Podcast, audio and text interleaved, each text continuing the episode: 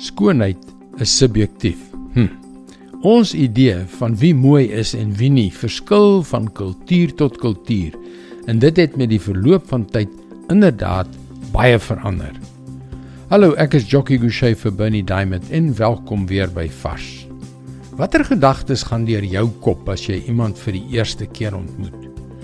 Hoe beïnvloed sy fisiese voorkoms jou idee van die persoon?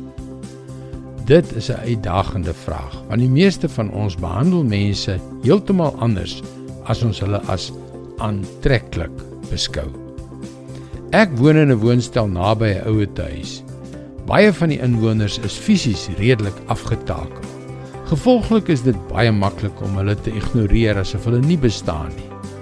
Maar na mate 'n mens hulle leer ken, ontdek jy dat baie van hulle ongelooflike mense is wat uitstaande lewens geleef het. Ek het onlangs 'n prentjie gesien van die gerimpelde gesig van 'n ou vrou met die woorde: "Hoe anders sou ons idee van skoonheid nie gewees het nie as ons oë net siele in plaas van liggame kon sien." En weet jy, dit is 'n baie goddelike perspektief.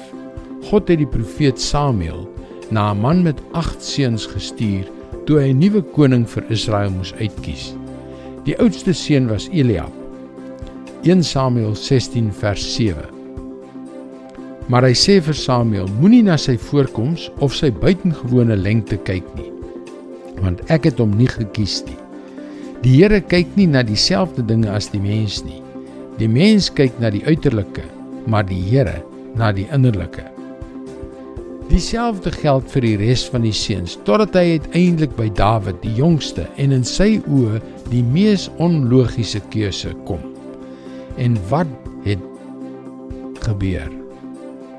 Dawid het die grootste koning geword wat Israel ooit gehad het. Hoekom? Want die mens kyk na die uiterlike, maar die Here na die innerlike. Dit is sy woord vars vir jou vandag. So dikwels is ons sonde gewortel in gefestigde gedragspatrone. Maar die woord van God het die krag om ons oë oop te maak.